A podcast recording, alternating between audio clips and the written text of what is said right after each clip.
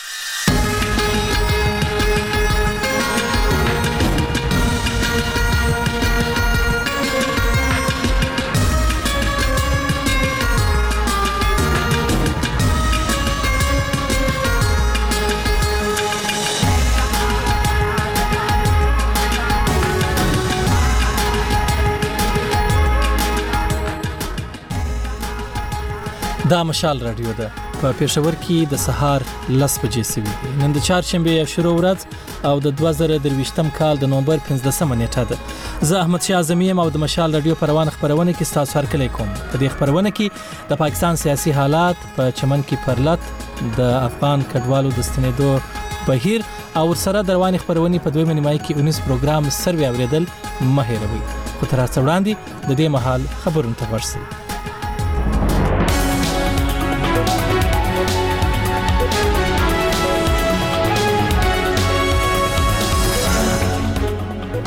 لمړی د مهم خبرونو سرټکی د بلستان لسګونو سیاستوالو په پا پاکستان مسلم لیګ نون کې د شمولیت اعلان کړی دی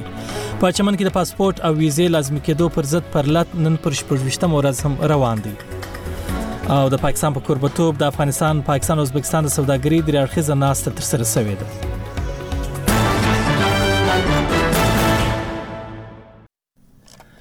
اوس د خبرونو تفصيل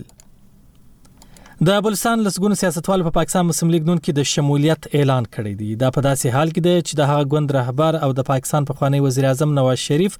د ګوند له نور مشرانو سره یو ځای پرون په دورځنی دوره کوټ ترسیدلې دي مسلم لیګ نون پرون پر خپل رسمي ایکس پاڼه خبر ورکړی چې د بلوچستان د پخواني اعلی وزیر جام کمال او یو شمېر پخوانیو وفاقي او صوبایي وزیرانو په ګډون شاوخوا پنځو سیاستوالو په هغه ګوند کې د شمولیت اعلان وکړ په مسلم لیګ نون کې ګډون کوونکو سیاستوالو کې زیاتره د بلوچستان د پخواني واکمن ګوند بلوچستان عوامي پارټۍ مشران دي بلخوا د پاکستان پیپلز ګوند او نېشنل پارټي ځینو سیاستوالو هم په مسلم لیګ نون کې د ګډون اعلان کړی دی دا له هغه وروسته چې د پاکستان انتخاباتي کمیشن د را روان 2024 کال د فبروري پر اتمه د عامو انتخاباتو اعلان کړی دی او د یو شمیر سیاسي ګوندونو مشران انتخابات ته د چمتووالي په لړ کې د بیلابیلو سیمو دورې کوي د افغانستان په چمن ښار کې د پاسپورت او ویزې لازمي کېدو پر ضد پرلت نن پر شپږویشتم ورځ هم روان دی د تاجرانو اتحادیه او سیاسي ګوندونو دا پرلت د اکتوبر پر یوشتمه پیل کړي او غوښتنه کوي چې د چمن او سپین بولدک ترمنځ پر سرحدي دروازه دي د پخوا په شان پر پاکستاني شناخت کارت او افغان تذکرې د تګ راتګ اجازه ورکول سي په چمن کې د لغړی اتحاد یا پندیانو مشر غوث الله نن مشال لړې ته ویل چې کې غوښتنې ونه منل سوې نو د نومبر لشلمې به د احتجاج په توګه د خلکو او تجارت پر مخ د چمن او سپین بولدک ترمنځ لوی لار بندوي دا موږ پر شلن تاریخ چې کومه لار بندوو دا به زموږ د یو 1500 شل ورځ د پاره باندې که زموږ مطالبه په دې نه سوال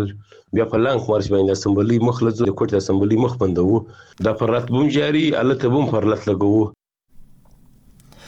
نوموړي زیاته کړې چې د پرلت مشرانو یو پنځه کسیزه نماینده کمیټه جوړه کړې چې په کوټه کې بل نگران صوبایي حکومت او سیاستوالو سره تر لیدو وروسته اسلام آباد ته ځي او هلته به له وفاقي حکومت سره خبرې کوي پرلتوالو ته هر ورځ د بیلابیلو سیاسي ګوندونو او د سوداګرو د اتحادیو مشران ویناوي کوي او د ملاتړ ډاډ ورکوي له پرلتوالو سره د بلوچستان پوځي او د نگران حکومت ولسی چارواکو خبرې کړي خو تر اوسه نتیجه نه ده ورکړې دا پرلت له هغه وروسته پیل شوی چې د پاکستان حکومت په اکتوبر میاشت کې اعلان وکړ چې د نومبر له لومړۍ نیټې وروسته به د افغان کډوالو په ګډون ټول بیا اسناد بهرني وګړي په زور له هغه هیواده باسي او له هغه وروسته به له افغانستان سره تګ راتګ یوازې پر پاسپورت او ویزه وي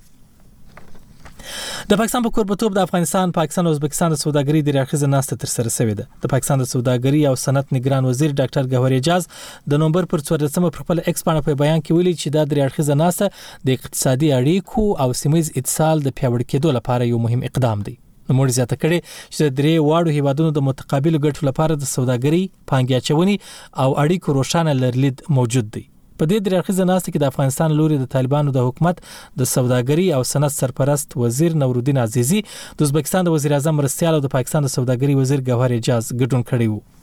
د طالبان د سوداګري وزارت په بیان کې ویلي چې په دې ناسته کې د ترانس افغان پروژې د ریاړخیزې سوداګري او ترانزیت او د سیمیز اتصال پر وړاندې پر پروتو ستونزو بحث وشو پرون د اوکراین پر ټوله خاور د هوایي برید خبرداري ورکړل سو چارواکو له خلکو وغوښتل چې د روسیې د هوایي فعالیتونو د راپورونو پر مهال له هوایي بریدونو د ژغورنې پناه ځایونو ته ولاړ شي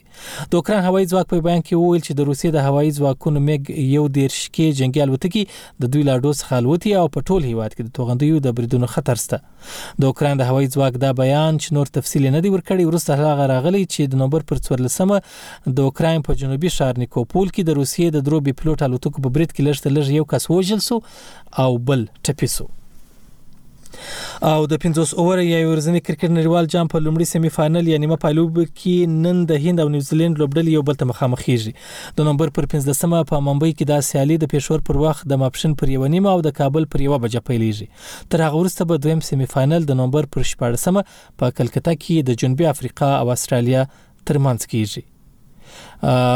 د نړیوال جام په لوب بیا د نومبر پر 19مه په احمد آباد کې د سر د دوه لوبډلو ترمنځ کیږي دا تر دې مهاله د مشال راډیو خبرونه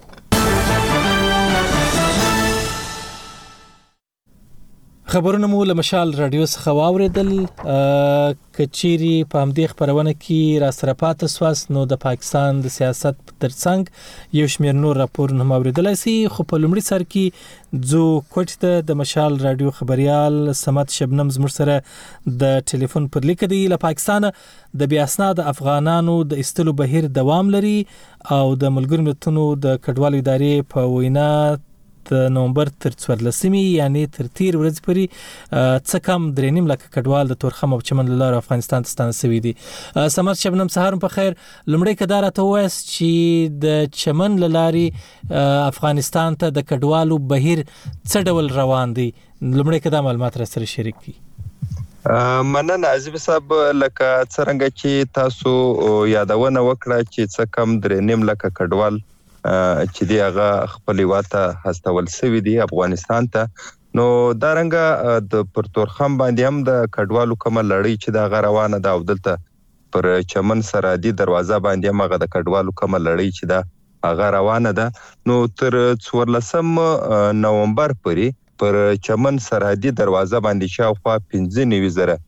کسان چې دي هغه خپل هیواد ته استول سوي دي. دا رنګه پر تورخم باندې هم د دوی لړۍ چې ده هغه روانه ده، دوه لکه دېرش زره کې شاوخوا کې هغه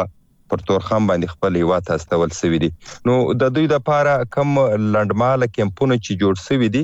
هغوی ته دی راوستل کیږي او بیا له دې ځایه د هغوی تصدیق چې دی د نادرا څخه کیږي او بیا خپل هیواد ته استوي نو مخکې که څه هم دغه سینټران لیږ وو اوس په چمن کې و کډوال لپاره شاوخوا بلکې درې داسې سینټر جوړ شوی دی چې په هغه کې دا کډوال چې دی راځي او دلته له نادرا څخه تصدیق کیږي په دا کې هغه کډوال دي چې د سین څخه هم را روان دي یا پښین سو یا د نور کومې سیمې چې دي نو د دې ځې دا کم کډوال چې دې یا نیول کېږي یا په خپله خوښه چې ځې نو هغوی دې سېنټران ته راوړل کېږي او دلته د هغوی تصدیق کېږي بیا له دې ځایه چې دې هغه خپل هېواد ته استول کېږي نو مخکې به داسې وو چې دلته به دوی در څو ورځو پورې ایسار وو ځکه چې په دا سېنټر کې به د دوی کم تصدیق چې به کېدی نو هغه به وخت اخستی خو اوس دغه لړۍ چې دا چټکه روانه ده کله چې زموږ دغه چمن د ځایي بلکې د ضلعي انتظامیې سره خبره کیږي نو هغه وایي چې اوس دلته دغه کډوال چې دی هغه ډیر نه ایساریږي نو په ورځ کې چې دی هغه بل ته خپل هیواد ته استول کیږي په دې کې اوس دغه د چمن بایپاس کم لنډمهاله کیمپ چې ورته جوړ کړل شوی دی په دې کې 25 سنټره داسې جوړ کړل شوی دی چې کوم کډوال راځي نو دوی یې تصدیق کوي او له دې ځایه چې دي بیا یې خپل هیواد ته استوي او بیا دلته په دې کمپونو کې اوس څه نه څه داسې اسانتیاوې ورته برابر کړل شوې دي خو په لومړی شپو کې موږ کتل بلکې تر اوس مهاله پورې موږ وینو چې کوم خلک دلته راوړل کیږي کډوال نو هغوی داسې وي چې هغه د هغوی د خوراک چټک لپاره به هم څه نه وو نو هغه د چمن کوم ځايي خلک چې دي یا د پرلت کومه کمېټۍ چې ده نو هغه د کډوال لپاره داسې خوراک تیاروي او په او هغوی ته ورکوي دا رنګه موږ په پښین ضلع کې هم ولیدل چې کله دلته کډوال نیول کېدل یا دلته راتلو نو ځایي خلک چې دي هغه په دې باندې بوخت وي او د کډوالو خدمت کوي او هغوی ته ډوډۍ او چای داسې نور زمینه چې مننه. هغه برابروي. مننه سماع شبنم بله پوښتنه مې دا درڅخه کوله چې د افغان کډوالو د نیولو لړۍ هم روانه وه پولیسو او نور امنیتي ادارو د دوی خلاف اقدام پیل کړی دی نو په هغه اړه که څه معلومات را سره شریک کړي چې دا کډوال په خپل خوښه ځي پولیس یې نیسي او هلته د افغان کډوالو نیول په څه حال کې دی آیا پولیس اوس هم د دوی خلاف عملیات روان کړي دي بله عظیمي صاحب کله چې تر یوشتم اکتوبر پورې و دوی ته وخت ورکول شوی وو چې تاسو په خپل خوښه یو ته ولاړ شئ نو کله چې هغه وخت ختم سور نو بیا داسې موږ ولیدل چې د بلوچستان په ګډون داسې د یوات په نور سیمه کې نو هغه ځین ځایونو پولیس چې وو هغه چاپی ولې یا پر کورونو باندې ګرځېدو یا سړکان ولې وو خو دلته موږ ولیدل چې په پښین ضلع کې کله چې یو دیرشم اکتوبر ختم سو نو پر لومړي نومبر باندې دوی سړکان ونیول سړکان ته پولیس راووتل او د خلکو اسناد یې کتل په هغه کې داسې وو چې چا به شناخت کارت درلود یا به پیو آر کارت درلود یا سټیزن کارت به درلود نو هغه به خوشی کول خو ځینې کسان سره به داسې ستونزې هم وې چې سټېزن کارډ یا پي او آر کارډ چې دی هغه به دوی له ځانه سره نه و راخستلی نو هغه به یې هم له ځانه سره وړل بیا به تلو کله چې د پښني کالج دی د هلکانو نو هلته به یې د هغوی تصدیق کول بیا چې به کوم اسناد نه ورسره نو هغه به یې استول خو دغه ورځ چې وه داسې یو ورځ داسې سړکانو ته دوی راووتل پلیس چې دغه کډوال یې نیول، خو بیا دغه لړۍ چې ده هغه ودرېده، خو په هغه وخت کې موږ ته د پولیس چارواکو وویل چې دا لومړي پیل کې موږ هغه کډوال سرکانو ته راوځو، چیکینګ کوو، هغه کډوال به نوسو چې د هغوی سره اسناد نه وي، په دویم پړاو کې به موږ د هغوی د استوګنې یا د هغوی د کورونو نشاندهي کوو، بیا به یې نوسو او په دریم پړاو کې به بیا موږ د هغوی کوم په ناقانونه توګه چې دوی یا کورونه جوړ کړي دي یا ځایونه جوړ کړي دي، نو هغه به موږ نړوو او خپل هیواد ته بایستو خو داسې اوس د ګرفتاری څخه خبرونه مخ ته په دې سیمه کې نه دي راغلي صحیح ډیر مننه سمت شبنم زموږ سره د تازه معلوماتو شریکولو ښه وخت ولري زموږ غږ له مشال رادیو څخه اوري په همدې موضوع کې تبر ته راځو ځکه چې پر لتم روان دي په چمن کې خو تر هغه وړاندې د یو بل مهم راپور پر لور ساسو پام را ګرځوم د بلوچستان لسګونو سیاستوال په پاکستان مسلم لیګ نون کې د شمولیت اعلان کړی دی دا په داسې حال کې ده چې د هغه ګوند رهبر او د پاکستان په خوانی وزیر اعظم نواز شریف د ګوند له نور مشرانو سره یو ځای پرون په دوه ورځنۍ دوره کوټ ته رسیدلی دی د سیاسي چارو پوهان وايي چې د نواز شریف د اوسنۍ هلو ځلو موخه په راتلونکي کې په بلوچستان کې د مسلم لیګ نون حکومت جوړول دي په دې اړه نور حال د مشال رادیو خبريال ایوب ترين راکوي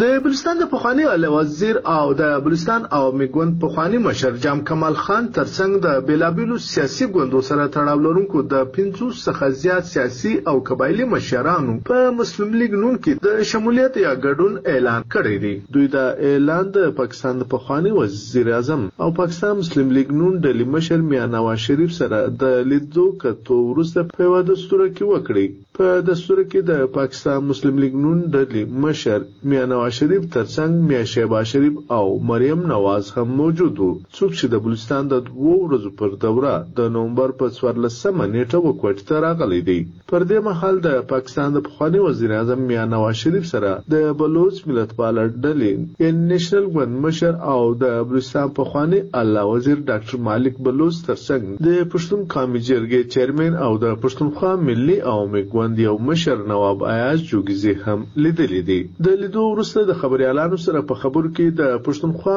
ملي عوامي ګوند نواب ایاز جوګیزي وویل چې نواز شریف ته دوی تجویز وړاندې کړي. چې د پخوا په ډول به په راتلونکي کې هم یو داسې حکومت دلته جوړوي، چې په هغه کې ټوله پښتون او بلوڅ ملتپاله ګوندونه برخه ولري. دو هزار تیره کې الیکشن مې جو ایک سیټ اپ بنا اس سیټ اپ مې تقریبا ډاکټر صاحب کې سربراهی مې جو چیف منسټر تھے تو ایک اچھا حکومت چلا میرے خیال مې د کال دوه زره دیارلس د انتخاباتو وروسته چې کوم حکومت جوړ شو د هغه وخت د اعلی وزیر ډاکټر مالک بلوڅ په مشرتابه کې یو ښه حکومت چلېدلی و او د پاکستان په تاریخ کې که څه ډېر کار شوی دی نو هغه د ډاکټر مالک بلوڅ د حکومت په وخت کې په بلوچستان کې وشو. پر دې مهال د بلوڅ ملتپاله ډلې نېشنل ګوند مشر او پخواني اعلی وزیر ډاکټر مالک بلوڅ زیاته کړه چې دوی د نواز شریف و مخې ته یوه خبره اېښې ده چې د بلوچستان و خلکو ته دې د ووټ حق ورکول شي. کوم چې د نوموړي په خبره په بلوچستان کې په بشپړه توګه د ووټ حق نه دی ورکول شوی. بلوچستان کې عوام ووټ کسی اور کو دیتا هې کامیاب کوی اور جیسې دوه زره اټاره مې وای. د بلوچستان خلک ووټ و یو چا ته ورکوي خو کامیابي بیا بل څوک تر لاسه کړي کوم چې د کال دوه زره اتلس په انتخابات کې وسو. ډاکټر مالک بلوڅ زیاته کړه چې نواز شریف ته یې هم دا ویلي دي چې بلوچستان ته په سټراتیژیکه توګه نه بلکې په سیاسي توګه کتل په کار دي او دا ډول به د بلوچستان احساسې میرومي ختم شي د دې څخه له مخه د بلوچستان عوامي ګوند مشر خالد مکسي د سینیټ چیرمین صادق سنجراني هم د پخواني وزیراعظم سره ولیدل. وروسته د خبریالانو سره په خبرو کې د بلوچستان عوامي ګوند مشر خالد مکسي وویل چې نواز شریف غواړي چې په ملک کې سیاسي او جمهوري نظام په سمه توګه وچلېږي په کوم کې چې هغه و ټولو ډلو ته برخه ورکول غواړي. سب سې بړا کمپوننټ جو هې نا وو یهاں پې عوام هې.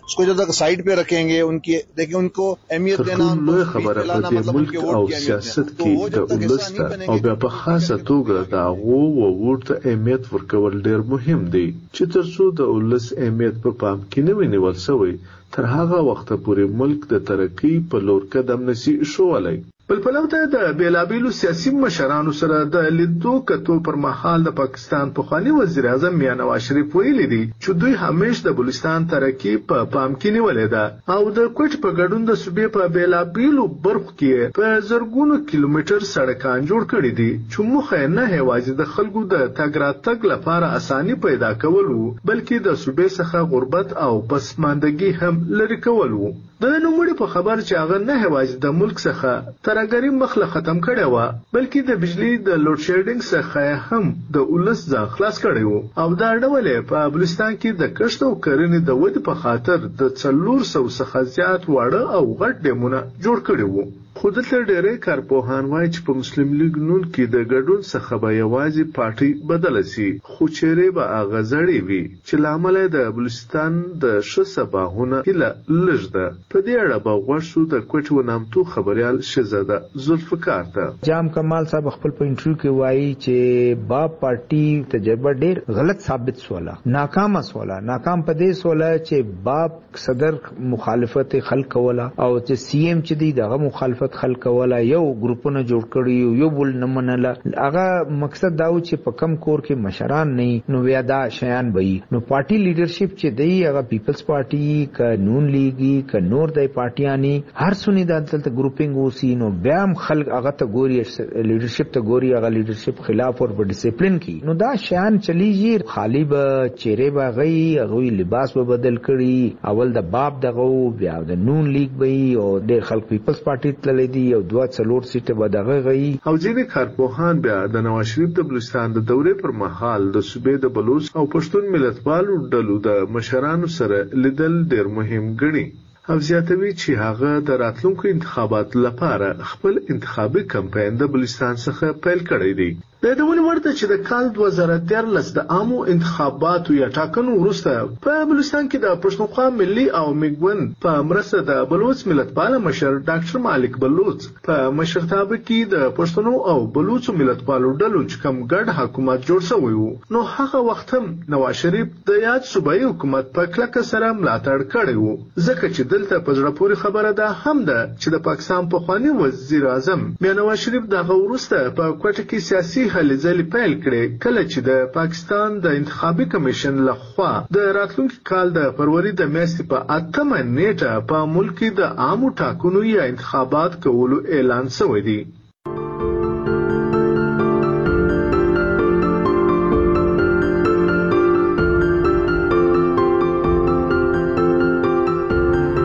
خپل سمارټ فون او ټابلیټ ته د مشال رادیو اپلیکیشن ورخکته کړئ او د مشال رادیو ټولو مطالبه ته هر ځای لاسرسي ولرئ طریقه ډیره اسانه ده M A S H A A L آر ای ډی آی او دا ولیکئ په ګوګل پلی او یا اپ سٹور کې او د مشال رادیو اپلیکیشن در سره ښکته کړئ د دې ترڅنګ کله چې په خپل سمارټ فون او ټابلیټ کې خبرتیا ترلاسه کړئ نو د بشال رادیو اپلیکیشن ورسره تازه کوئ لدې سره به د مشال رادیو مطالب ته ستاسو لاسرسي لا زیات اسانه شي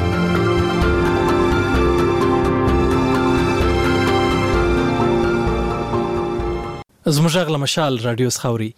د بلوچستان په چمن شهر کې د تاجرانو اتحادیه او سیاسي ګوندونو د پاکستان د حکومت لخوا د پاسپورت او ویزې لازمي کېدو پر ضد پر لات نن پر 28 ورځ هم دوام ورکړی دی د پرلت مشرانو ویلي، که غوښتنې ونه منل شوې، نو د نومبر له شلمې به د احتجاج په توګه د خلکو او تجارت پر مخ د چمن او سپین بولدک ترمنځ لویه لاره بندوي او له هغه وروسته به د بلوچستان اسمبلۍ مخې ته هم پرلت وهي. له پرلتوالو سره د بلوچستان پوځي او د نګران حکومت ولسي چارواکو خبرې کړي، خو تر اوسه یې نتیجه نه ده ورکړې. په دې اړه نور حال د مشال راډیو خبریال صمد شبنم راکوي. په چمن ښار کې د ډیورن کرښې ته نږدې د سیاسي ګوندونو، سوداګرو، لغړیانو یا پنډیانو اتحادیې لخوا د پاسپورټ او ویزې لازمي کولو پر ضد د اکتوبر له یوشتمې پیل شوی احتجاجي پرلت نن هم دوام لري. د پاکستان په سېنټ کې په دې اړه بحث شوی. د نومبر پر دیارلسمه سېنټ کې د بیس کولو پر وخت د بلوچستان سنېټرانو پر لنډمهاله حکومت غږ وکړ چې د چمن د پرلت د ګډونوالو غوښتنې دي ومنل شي. د عوامي نېشنل ګوند سنېټر عمر فاروق عاصي د خپلې وینا مهال وویل چې پر ډیورنډ کرښه د تګ و راتګ لپاره هیڅوک د پاسپورټ شرط نه مني. پکار دی چې د چمن او سپین بولدک ترمنځ سفر بغیر له ویزې وي. ایک ګاؤں چمن شهر مې اوس کا قبرستان افغانستان مې ډیورنډ کې اوس تر. زه تاسو ته وایم چې د بلوچستان د ځینو خلکو کور د پاکستان خوا او د هغوی قبر د افغانستان په خوا کې دی.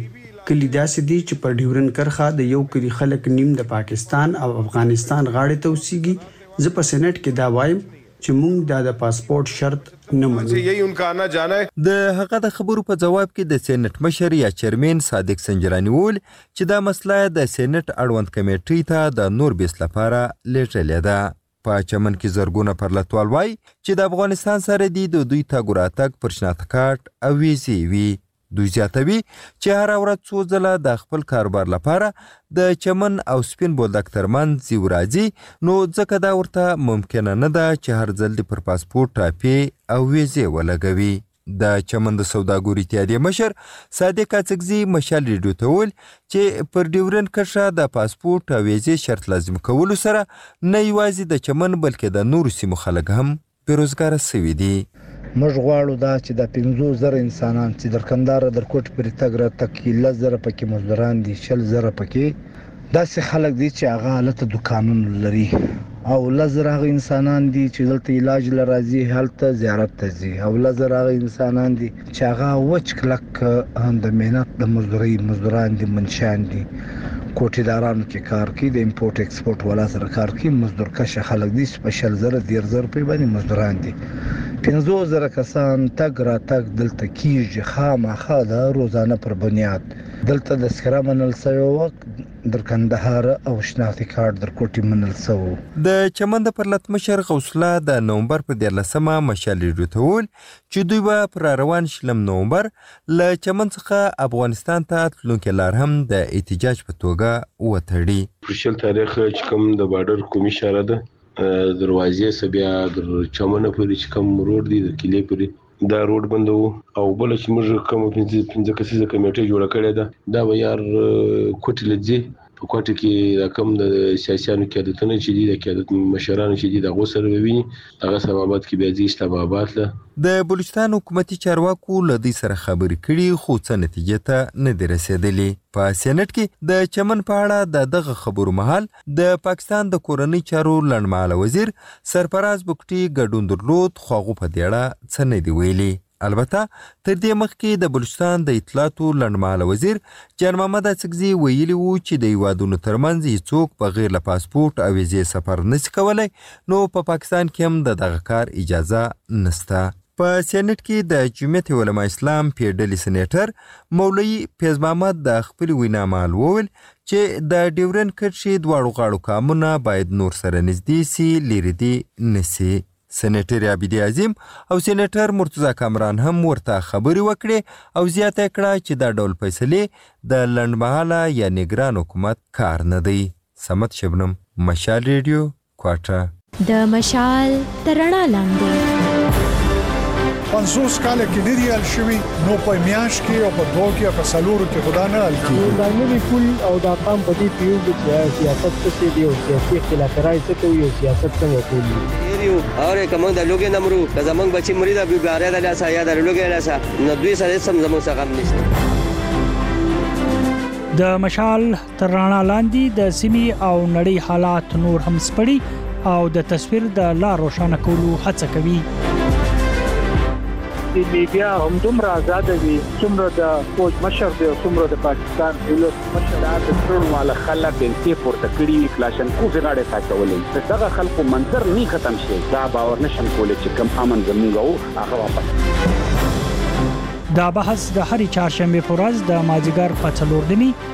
او د زیارت په ورځ د سهار پر لسمه بجې اوریدای شي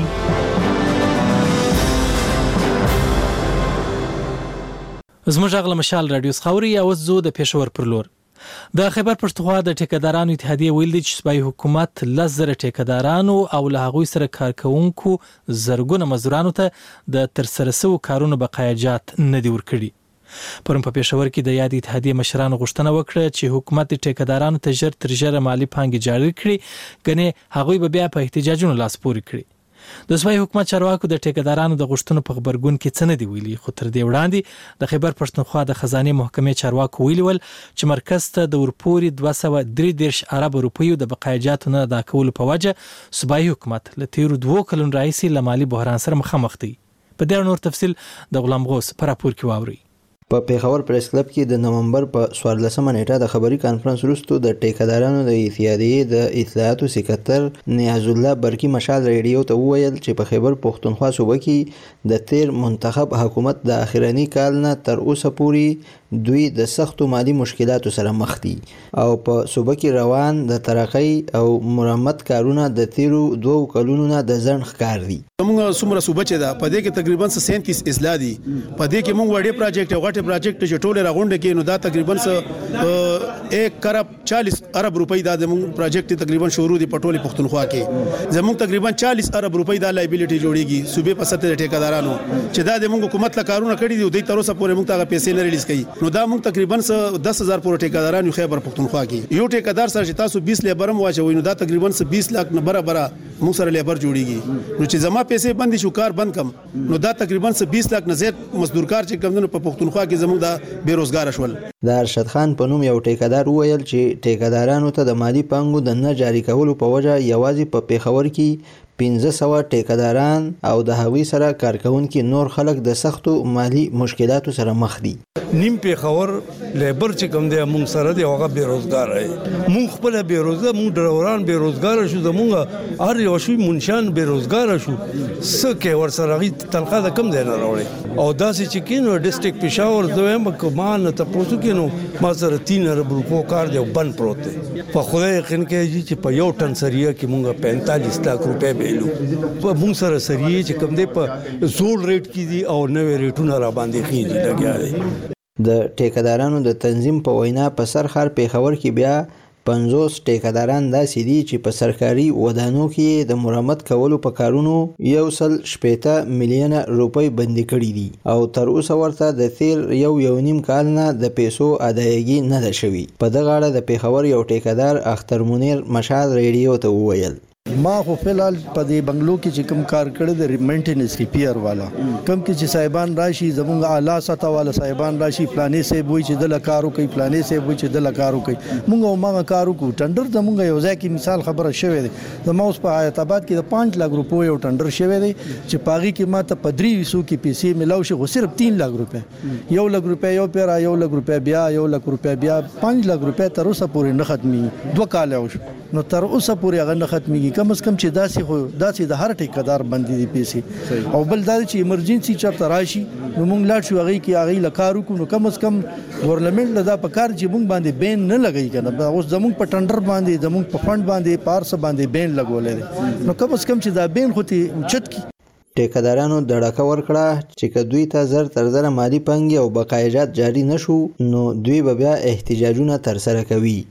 د ټېکهدارانو د اندېښنو او غوښتنو په ردعمل کې د پښتونخوا د حکومت چارواکو څه ردعمل نه دی څرګند کړی، خو تر دې وړاندې د اکتوبر په شپږیشتمه نېټه چې نګران حکومت د روانو څلورو میاشتو کوم بجټ پېش کړی و، نو هغه مهال د خزانې صوبايي وزیر احمد رسول بنګش مشال رېډيو ته ويلي وو چې د مرکز له خوا د صوبې د دوه سوه درې دېرش ارب روپو د بقاياجاتو نه ادا کولو په وجه صوبايي حکومت د سختو مالي مشکلاتو سره مخ دی او په مشکله يې د سرکاري ملازمينو لپاره د تنخاګانو د بجټ بندوبست کړی دی. دا مشال رېډيو ده.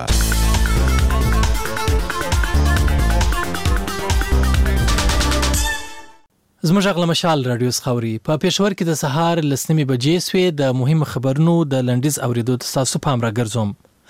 د بلوچستان لسګونو سیاستوالو په پاکستان مسلم لیګ نون کې د شمولیت اعلان کړی دی. دا په داسې حال کې ده چې د هغه ګوند رهبر او د پاکستان پخوانی وزیراعظم نواز شریف د ګوند له نورو مشرانو سره یو ځای پرون په دوه ورځنۍ دوره کوټې ته رسېدلی دی. د بلوچستان په چمن ښار کې د پاسپورټ او ویزې لازمي کېدو پر ضد پرلت نن پر شپږ ویشت مه ورځ هم روان دی. د تاجرانو اتحادیې او سیاسي ګوندونو دا پرلت د اکتوبر پر یوویشت مه پیل کړی او غوښتنه کوي چې د چمن او سپین بولدک ترمنځ پر سرحدي دروازه دې د پخوا په شان پر پاکستاني شناختي کارډ او افغان تذکرې د تګ راتګ اجازه ورکول شي. د پاکستان په کوربتوب د افغانستان، پاکستان او ازبکستان د سوداګرۍ درې اړخیزه ناسته ترسره شوې ده. د پاکستان د سوداګرۍ او صنعت نګران وزیر ګوهر اعجاز د نومبر پر څوارلسمه پر خپله ایکس پاڼه په یو بیان کې ویلي چې دا درې اړخیزه ناسته د اقتصادي اړیکو او سیمه ییز اتصال د پیاوړي کېدو لپاره یو مهم اقدام دی. پرون د اوکراین پر ټوله خاوره د هوایي برید خبرداری ورکړل شو. چارواکو له خلکو وغوښتل چې د روسیې د هوایي فعالیتونو د راپورونو پر مهال له هوایي بریدونو د ژغورنې پناه ځایونو ته ولاړ شي. او د پنځوس اووره یا یو ورځني کرکټ نړیوال جام په لومړي سیمي فاینل یا نیمه پایلوبو کې نن د هند او نیوزیلینډ لوبډلې یو بل ته مخامخ کیږي. د نومبر پر پنځلسمه په ممبۍ کې دا سیالي د پېښور پر وخت د ماسپښین پر یوه نیمه او د کابل پر یوه بجه پیلیږي. تر دې وروسته به دویم سیمي فاینل سبا په کلکته کې د جنوبي افریقا او اسټرالیا ترمنځ کیږي. د مهمو خبرونو له لنډیز وروسته اوس تاسو پام د ځانګړي اونیزې خپرونې سروې پر لور راګرځوم. دا خپرونه تاسو پرون په ژوندۍ بڼه اوریدلې او نن یې تاسو ته په تکراري بڼه درخپروو. د خپرونې وړاندې کوونکې ملیحا امیرزاده ده. راځئ چې ورته غوږ شو. السلام علیکم ملیحه امیر زاده یم د پښتنو خزو د لاسته راوړنو په اړه ونیزه خبرونه سروې کې مو هرکلی کوم په دې خبرونه کې له مخورو پښتنو خزو سره ویډیو مرکه لرو بل بچی د دې تعلیم نه محروم کوي د پښتنو سیاستوالو، مدني فعالانو، هنرمندانو او نورو سره د غوي د لاس تراوړونو په اړه خبرې کوو. سیاست سره بالکل لگاو نه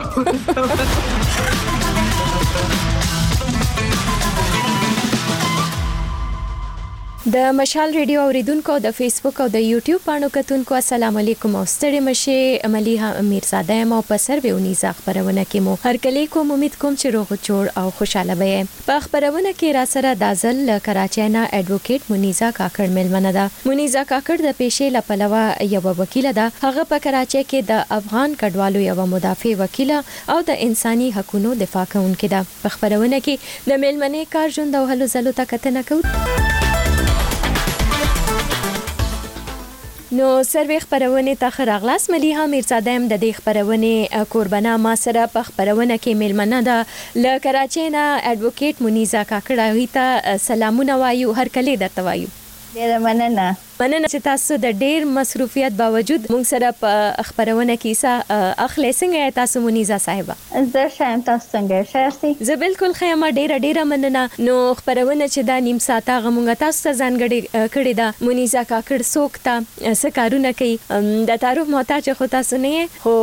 اوریدونکو کتونکو ته می بیا هم یو لنډ شانتی تعارف ورکړ نو تپوس به وکړو چه مونیزه کاکړ څوک ته او د پاکستان د کومی سیمی سره ستاسو تعلق دی. زه د مسلم باغ څخه تعلق لرم بلوچستان کی راځی جنوبی پښتونخوا کی. او دا مهال زه په کراچۍ کې ژوند کوم او دلته وکالت کوم. نو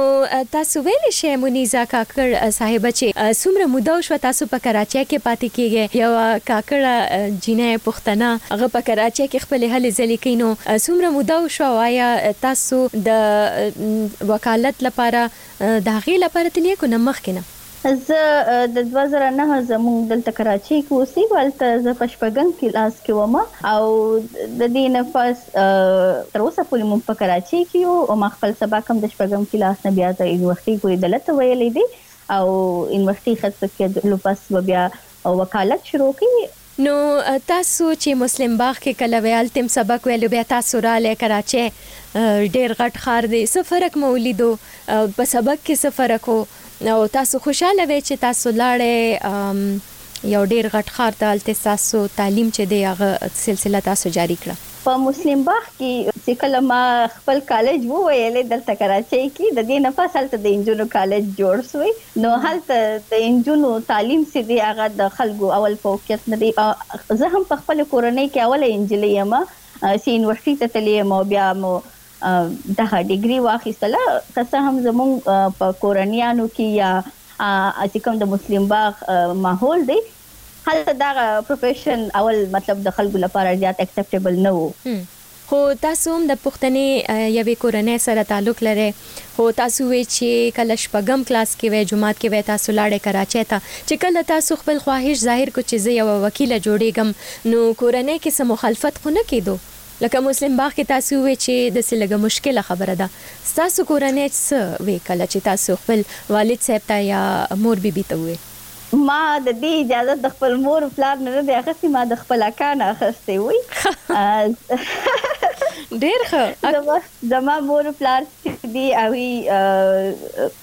د خپل تعلیم نه دی کړی زما اکا چې کوم هغه تعلیم کړی او دا او د انجونو تعلیم به ډیر زیات انکرج کول هغه انجونې په کورنۍ کې زیاتې خوښېدلې چې چا د تعلیم سره مینه لرله په کور کې داسې یو ځای خبره ده چې په سوسایټي کې یو شی نه راغلی نو خدشات خامخا وي ورونه دا کازا من یا دغه چې دغه فیلډ له بسنګ چې دا خو د سړیانو فیلډ دی خو زما کا چې کوم وي هغه به سکم دا پیدر سلی سکم یو نظام دی هغه هغه نه منلې هغه به ویل چې که مینت چې دی که هغه انجلۍ کوي که هلک کوي باید هغه کس وستایل شي. نو تاسو دا ویلی شی چی دا ستاسو تاسو د اکا ذکر وکړو هغوی بیا ستاسو دا کار چی دی ستاسو د مور پلار قانع کول هغوی بیا ستاسو والد صاحب ته او مور بی بی ته وایی بیا د هغوی څه رد عمل وایی وی صحیح ده؟ زمونږ زما اکا چې کوم دی هغه مطلب زمونږ د کورنۍ مشر وو نو زما مور او پلار چې دی د هغه مخالفت یې نشو کولی که د بیلګې په توګه به زه درته ویم چې یو ځل زما مور چې وه زه یې ما ته زه لسم نه پس چې کله ما سبا چوټیا نیولې نو هغې ماته ویل چې جامې ګنډل زده کړه. نو سینټر ته یې زه استولم. په هغو ورځو کې زما اکا دلته نه و، ځکه چې زموږ د کرومایټ هم کاروبار دی، هغه په غرونو کې و. چې کله واپس رالو نو وایي، زویه چېرته ځې؟ نو ما ورته ویل چې مور چې مې ده دا مې په زوره سینټر ته لېږي او کالي راباندې زده کوي. وایي زما لور د پاس لاړه چې زه درځم. نو هغه زما مور ته رالو، زما مور ته یې ویل چې که څه جامې زده کوې نو بېشک ته لاړه شه. که چا د څه درته وویل زما نوم ورواله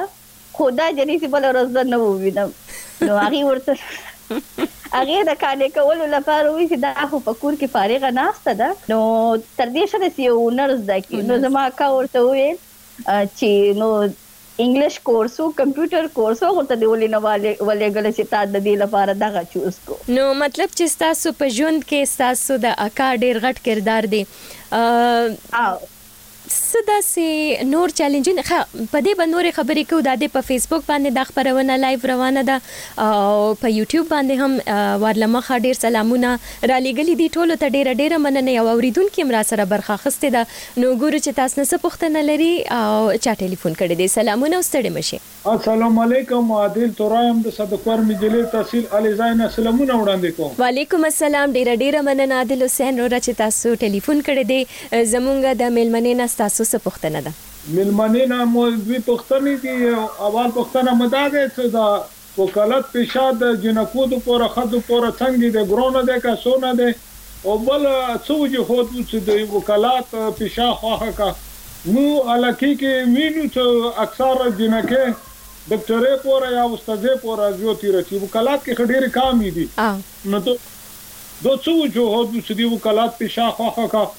او بل دسي ښځو ته مو په دوړو لاسو سلوک کوو څه دسي غوټي پيشي ته رسيږو. مننه مننه ډیره مننه عادل حسین روره چې تاسو خبرې وکړې یو بل اوریدونکي دې هغوی ته ورځو نو بیا ورځو منیزه کاکړ صاحبې ته سلامونه ستړې مه شې. زه ریحان پښتین یم د بنو سری درګنه درسره په لاین یم هیله لرم چی ټول همکران به راته ریحو جوړ وی زه درته ویایم چی لکه منیزه ککړ نو خو میږ ویاړ کی فخر پی کی ځکه چی ددی مبارزه نه ستړی کونکی مبارزه ده خو تپوس دا ورنه که لکه په سند او په پنجاب کښې چې پښتنو وی که دی په هر ميدان وی لږ کښې رويه ټيک نه وی سره سوتل کيږي دی نه مې پښتنه دا ده چې دی سره په عدالتي نه کيږي دو کله دی خپل ملګرې او وکالت کو دی سره رويه څنګه سوتل کيږي او څنګه فکر يې دی د دغه خلق دی په اړه ځکه چې دو د کډوالې په اړه. چی چیرا غا کوزی ټول ورو هغه دی په رپوټینا کی خبری یا په هره رسنی نه زه دی خبری ورو او دوس څنګ ری ویا دو دی سند او یا دی سند په عدالتینا کی دی او سرکوری خال کی. ډیره مننه ښکلې پوښتنه وه ریحان پشتین روره مننه چې تاسو په خپرونه کې ګډون وکړو او د میلمنې د کار ستاینه مو وکړه مننه. کورمه ودان ده او ريحان پشتين ده اينه مخکې عادل حسين رو ټليفون کړو ورځو منيزه کاکړ صاحب ته جي منيزه جانې تاسو نه پوښتنې وشوې څه به ويل غواړې. دواړو ته چی کوم وو هغه ته سلامونه ایو ورور تپوس وکړی چی وکالت د انجونو لپاره څنګه دی کار چی کله څوک کوي پدی کی نر اوښځه نه وی پدی کی قابلیت پکار وی چی آیا هغه کس هغه کار څنګه کوی لکه په عدالت کی جج دا نه ګوری چی ماته نر ولیاړ نر وکیل ولیاړ دی یا ښځه وکیل دلایل څوک ویلی شی نو او کوم چی دا زمونږ چی کوم د بار فیلډ دی دا وکاله نو په دی کی ښځه وکیله ډیره زیاته پروټیکټډ وی دومره د هغی د پاره څه ستونزی نه وی ځکه بار ایسوسیشنز وی نور چی کوم مطلب دلته د وکیلانو خپل تنظیمونه وی نو پهخ کې دا ډېر زیات مشکل وي چې څوک به هغه ته بیا په بد نظر هم ګوري. لکه په وروستیو ورځو کې چې ما په کورټ کې یو پرلت کړی و، که څه هم هغه د جج خلاف و، خو بار اسوسییشن چې و هغه زما سره ولیاړ و چې نه د دې چې کومه غوښتنه ده هغه په ځای باندې ده. نو مطلب تاسو دا وایئ چې دې ته څوک نه ګوري؟ ښه تاسو جواب ورکړئ. جی جی. او د هغه دویمه غوښتنه دا وه چې ما وکالت ولي خوښ کو زما د مور خور چې کوم خالا چې وي د هغې لور چې هغه تر ما نه مشره وه هغې وکیله جوړېدل غوښتل خو هغه پلار نه وه اخته اجازه یې نه وي ورکړې په هغه ورځ کې زه د هغوی کره مسلم باغ کې ولمه ما د هغه پلار ته وویل چې به تاسو اجازه ورکړي دا وکیله جوړېدل غواړي خو پلار یې وي چې نه دا مطلب سوسایټي هغه هم یاده کړه معاشره چې دا نه اکسپټ کوي نو بیا زما زما تره ته وویل چې لالا ته ورته ووایه د هغې پلار کنوینس که زما تره هم د هغې لپاره سفارش وکړو چې بیا انجلۍ لکه تکړه انجلۍ ده نو خو هغه دا وویل چې به یې سوسایټي نه اجازت راکړي نو ما وکالت چې دی دا اده چې سوسایټي اجازه نه ورکوي نو ما ویسي زه به دغه وکالت کوم او تاسو ته به ښکارا کوم چې سوسایټي اجازه ورکوي او د اوس داغي انجلی چې کومه کشره خور ده هغه وس د وکالت سبق ویایي ډیر ښه ماشاءالله مطلب چې تاسو خپل هغه یو دغه چې دی هغه ثابت کړه چې نه جینکې شاته نه دي کولی شي ها بلکل اوس هغه مطلب په خپل کور کښې مشرې لور ته څۀ کوم اجازت نه وو ورکړې هغه هغه کشره لور څۀ وسته هغه وس د وکالت سبق وې. ډېر ښه مطلب ستاسو نه انسپاير شو الهام ئې واخستو د ريحان پشتين چې کومه پښتنه وه دوی وې چې په سند کښې او په پنجاب کښې دوی د پښتنو سره د رويې خبره اوکړه نو دوی وي چې کله تاسو وکالت کوئ نو بيا د سرکاري خلکو او هم په عدالت کښې دوی وي د خلکو رويه ستاسو په وړاندې څنګه ده چې تاسو يوه پښتنه وکيله ئې. نه یو خو مطلب د افغان کډوالو کیسونه دي یو بیا د پیټیم کیسونه وي په دې کې ظاهره خبره ده د ریاست یا د کم جوډیشری یا کم ریشل پروفایلینګ سی کم دی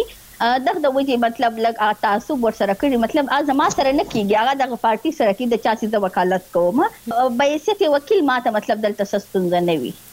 پښتنه وکیله. او تاسو ویاړی چی لکه تاسو هغه خپل دا کیسه هم بیان کړه چی تاسو ځان ثابتول غوښتو چی نه جینکی په هیڅ میدان کی روسته پاتی ندی د سړو په پرتله نو څنګه اوس احساسوی چی تاسو د انسانی حقونو خبره کوی په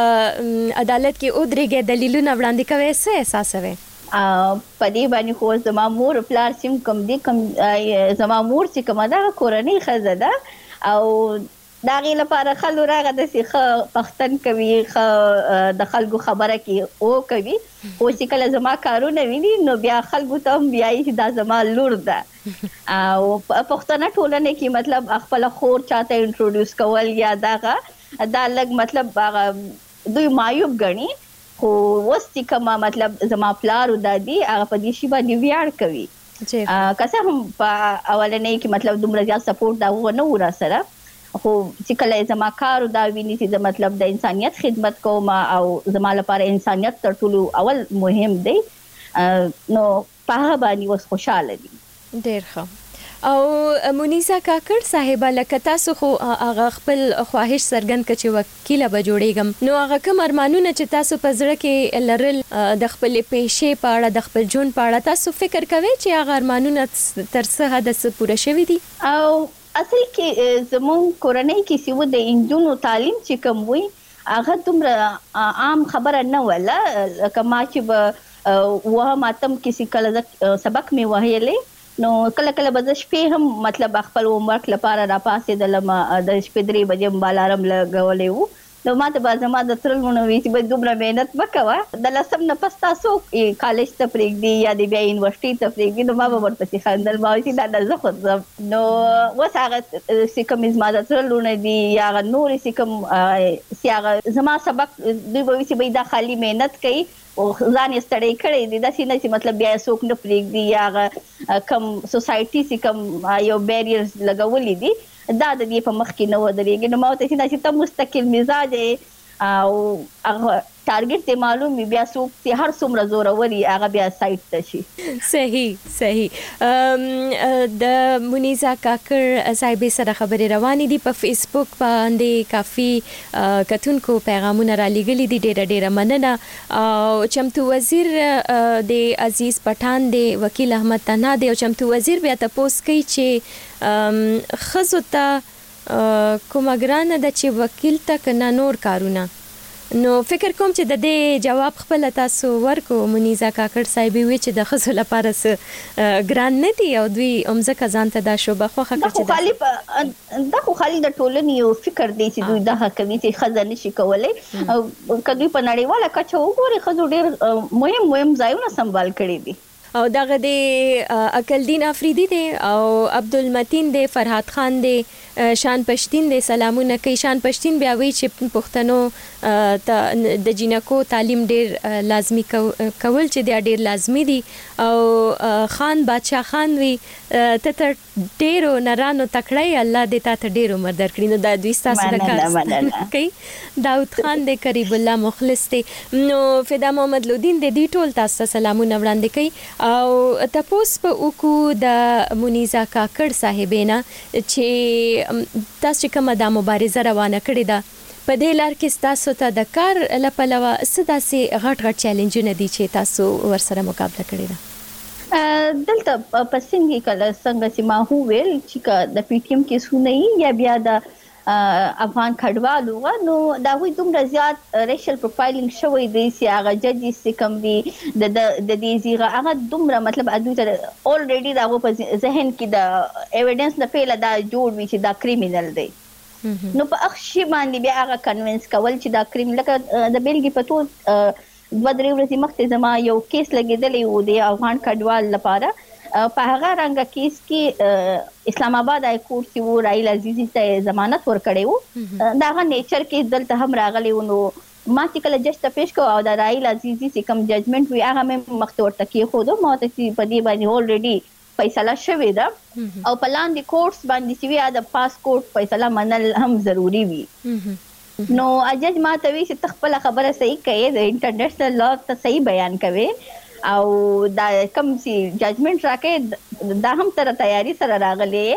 خو مسله دا ده ته د دې شي جواب راکړه چې د دې کس د افغان کډوال چې دی دا سیند ته ولې رال دا ولې خیبر پښتونخوا ته یا بیا بلوچستان ته ولې نه لاړو نو ما جش ته وې سر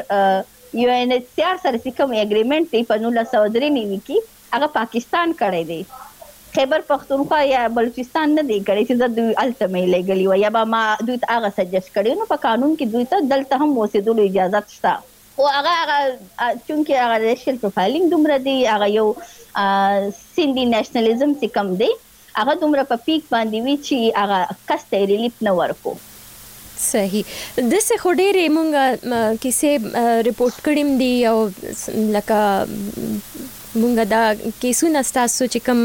کړي دي کوي هم بیان کړي دي نو منیزه کاکړ صاحبه لکه ټیک شو هغه افغان کډوالو تاسو مدافع وکیله یې خپل دلیلونه هم تاسو وړاندې کوي بیا چې د دوی کوم هغه کیسه روانه وه په کراچۍ کې په سند صوبه کې نو د کائې کې هم په دوی په پولیسو باندې دا تور لګیده چې دوی چې کوم اسناد لرونکي افغان کډوال دي هغه هم نیسي نو بیا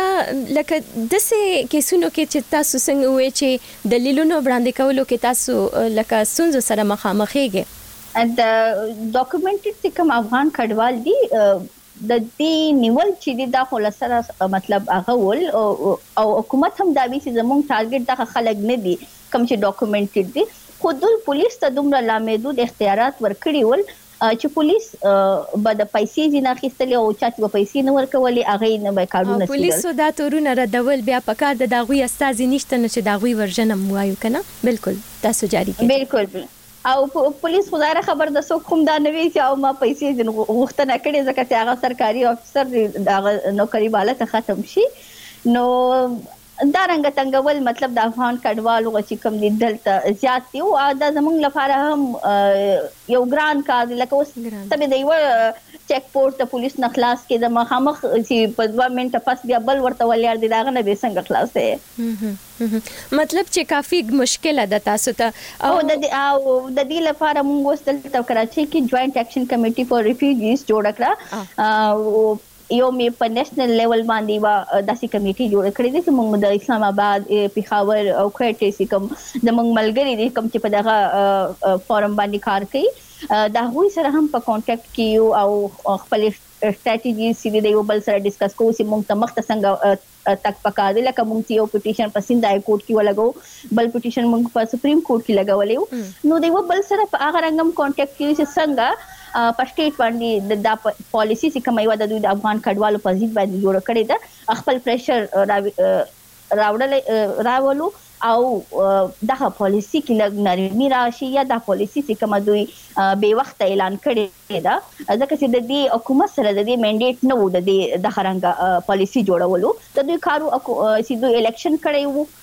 د الیکشن تیاریانې خو دوی تر اوسه مطلب بالکل فکر یې نه کوي په سېنېټ کې هم په دې بحث شوی دی کنه چې بالکل څنګه چې تاسو دا خبره کوي خو بیا د نګران حکومت چې دی هغوی بیا خپله نیټه ورکړې وه یو دېرشم اکتوبر او بیا دوی وی چې کوم غیر قانوني یوازې غیر قانوني افغان کډوال دي د هغوی دا دریځ دی چې یوازې هغوی وباسي او غیر قانوني بهر ملکیان چې دي نو هغه دوی یادوي نو اه. لیکن لیکن دا خو د دوی ویل دي اه. خو تر اوسه پورې چې کوم د جیلونو ریکارډ دی یا د ډیټینشن سنټر چې کوم ریکارډ دی یو بل لکه دلته خالي د کراچۍ په بیلګې په تور ویم دلته بیاریان دي بنګالیان دي چې ډاکومنټډ نه دي دارنګ نور ډېری کمیونټیز دي سومالیانز دي دلته اوسېږي هغه دلته نه دي رجسټرډ ان ډاکومنټډ دي او په هغوی ته چا لاس نه دی اچولی نو دا ټارګټ د ټول پاکستان په لیول باندې خالي افغان کډوال شوي دي او دا پالیسي جوړه شوې د هغوی لپاره ده دلته ایرانیان دي چې د ایران بلوچستان چې کوم دي نو مونږ خو تاسو خو دا نه واورېدو چې د کوم ایران بارډر باندې دومره کسان ایران ته ورکړل خو افغانستان ته یې په لکونو کسان واپس ولیږل. مونیسا کاکړ صاحبه دا راته ویلی شی لکه تاسو چی د انسانی حقونو دفاع کوی د انسانی حقونو خبره کوی نو په هغی باندی ستاسو څه محسوسوی لکه د ډیرو داسی بی وزلو کورنو به یی چی تاسو به یی مرسته کړی د هغوی دواګانی به مخامخ اغستی او او بلکل دا هغه خبره ده او کله چې دلته به زنانه ولې هغه به ډیر اوس لکه دا مهال هم یو زنانه د زمونږ سره مطلب په جیل کې ده هغه هیومن رائټ ډیفندر او افغانستان کې او جرمني د هغه د ازایلم کیس منلې هم دی خو دا چې کله ټریولینګ کولو د ایران نه تر اسلام آباد پورې نو په دې مهال دا په کراچۍ کې ونیول شوله نو زه ورځم کوشش کوم چې په دوه درې ورځې بعد هغه ته جیل ته ورشم دا هغه سره یو ماشومه ده وړه هغې له سنه دا غیم لکه دا غي د هغه سامان خیال ساتل چې به شودې او دا هر څه په ټیم باندې وي یا جامې او دا سیزونه نو هغه به ډېرې زیاتې دعاوي کوي چې چې ستا مطلب زما نه څه فائدہ لکه ته ماته دومره په ټیم باندې راځي دا رنګ زموږ سره مطلب چې کله به ډېرې زیاتې زنانې وي ولې د دسمبر فروري او په دې میاشتو کې زیاتې زنانې ولې په دې جیلونو کې او په هغوی کې داسې یوه زنانه وه چې د هغې خاوند چې و د کینسر د وجې په جیل کې وفات شو هغه پښتو هم نه ویلې دری به ویلې خو هغه ایموشنلی مونږ د یو بل سره دومره کنیکټډ وو چې مونږ به د یو بل په خبره پوهېدل قسم زما دری نه ده زده او د هغې پښتو ناول ده په ایموشنلی و دې پوره کیسه به دې راته کوله او ما به ورته کوله لکه ما چې به کومه تسلی ورکوم یا دوی چې به خپل کوم فریاد راته کولو نو هغه د هغوی هغه دواوې دي او اکثره اوس هم اکثره کانټیکټ کوي چې به یې تا موږ په سخت وخت کی چی وی ته زمونږ لپاره وی چی کله به مونږ هم په شک کی سو چی دا ولی مطلب هر وخت حاضره ده. د جوینټ اکشن کمیټی فار ریفیوجیز چی تاسو یاده کړه تاسو چی د کډوالو لپاره جوړه کړی په دی کی هر څوک ګډون کولی شی کنه دا خاص د وکیلانو جوړه ټولنه ده چی تاسو جوړه کړی؟ دا موږ په دې باندې جوړه کړل چې دلته چې کوم سیول سوسایټي ده د هغه یو چې کوم فورم وو هغه بالکل د افغان کډوالو په ضد باندې دا هوی یا یو سند نېشنلزم چې کوم پرسپیکټیو وو دا هغه په تناظر کې به دوی د افغان کډوالو په ضد کوم سټیټ پالیسی ده د هیومن رائټ ډیفندر لکه ان سی ایچ آر رنګ ادارې چې کوم دلته مشر ده هغه هم مطلب د دې ډیپورټیشن چې کوم پروسس روان دي دا یې صحیح وبللو وي چې به دا د سیند په وسایلو باندې دوی قبضه کوي او دغه نو دغه پلیټ فارمز چې دی د دې کې هغه هیومن رائټ ډیفندرز دي خالي وکیلان نه دي په دې کې زموږ سره جرنالیست هم دي ډاکټرز هم دي ریسرچرز هم دي خواجه سیرا کمیونټي دي ماینورټیز دي په یو پلیټ فارم باندې موږ راغون شولم چی سی زمونږ کار یو دی هدف می یو دی نو راځی په یو ځای باندی کار وکړو. صحیح. مونیزه کاکړ صاحبه ستاسو سره خبرې خو ډیر خوند کوي لګیا دی خو د پروګرام وخت په ختمیدو دی په اخره کې به تپوس وکړو هغه پوښتنې خویندې چې تاسو اوري او وروڼه چې تاسو اوري او ګوري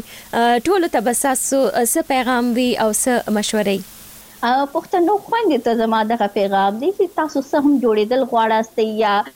ځکه چې پښتنو کورنۍ کې اکثره دا مسلې وي چې لږ هغه پروفیشنل فیلډ چوز کولو یا سبق مخته ویلو باندې لږ پابندیانې وي خو که تاسو مستقل مزاج پاتې شي او په تاسو ټارګټ واضح وي نو که هر څومره غټ خند ولې نه وي هغه به خپل سایت ته شي تاسو خپل هغه تک چی دی هغه مه درواسی د چا لپاره. ډیر ښه او وروڼو ته به هم څه خاص پیغام دی. وروڼو ته خو زما اکثره مطلب دغه خواست وی لکه دلته اکثره زموږ دا کوم پښتانه ملګری راځی کورټ ویزیټ کوی دا کوم پولیټیکلی چی زه ورسره خبری اتری یا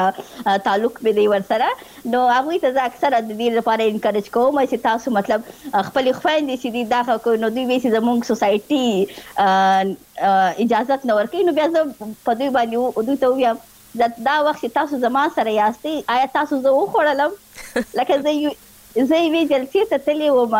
د پښتونخوا میکو د عثمان لالا لپاره دوی جلسه کړې وه نو یوازې زه ناسته وم زنانه هغوی زما نه تپوس وکړو چې دوی ما ته زما ما چې تاسو چې تا زما سره ولم انټرویو سره تا زما سره د ویدا کاکړ په نامه باندې شوې وه بالکل بالکل وی دا کاکړ باندې نو دوی هغه ما ته وی وی سی ودا تا نور انجونه ولې نه دی راوستلې ما ته زه د خپل پلار لور يم په ځان اختیار لرم تاسو په خزو باندې خو زما اختیار نشته راي ولاستي بس دغه نو زاره خبر ده په ټولنه کې بس باید دوی خپل خزي پر اعتماد کې هغه ته ځای ورکي او سو کم دومره مطلب او پښتانه خو بیا ډیر د خزو احترام کوي په دې ټولنه کې هغه خپله ښځه پروټیکټډ ساتلی شي د دې لپاره ضروري نه ده چې ته یې په چار دیواري کې بنده کړې. مننه ډیره مننه مونیزه کاکړ صاحبه ستاسو سره خبرو ډیر خوند وکړو کور مو ودان. مننه مننه کور مو ودان. مننه دا وه د نن لپاره د مشال ریډیو د فیسبوک او د یوټیوب سروې لایف خپرونه چې تاسو په ریډیو هم اوریدله پکې مو د مونیزه کاکړ سره خبرې کولې امید کوو چې نننې پروګرام به ستاسو خوښ شوی وي.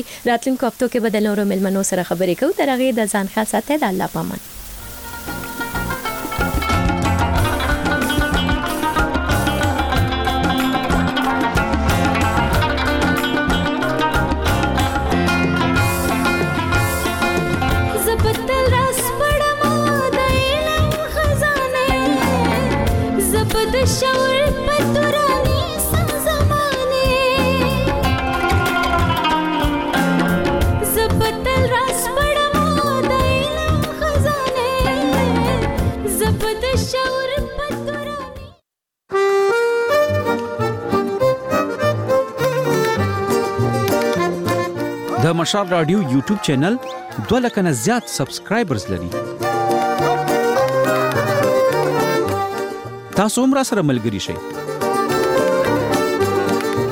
مونږ په youtube.com/مشال رادیو کې موندلې شئ مونږ تر اوسه له 9000 زیاتې ویډیوګانې خبرې کړي دا لړۍ دوام لري او هر ورځ نورې ویډیوګانې هم درته خبرو له مشال رادیو سره ملګري شئ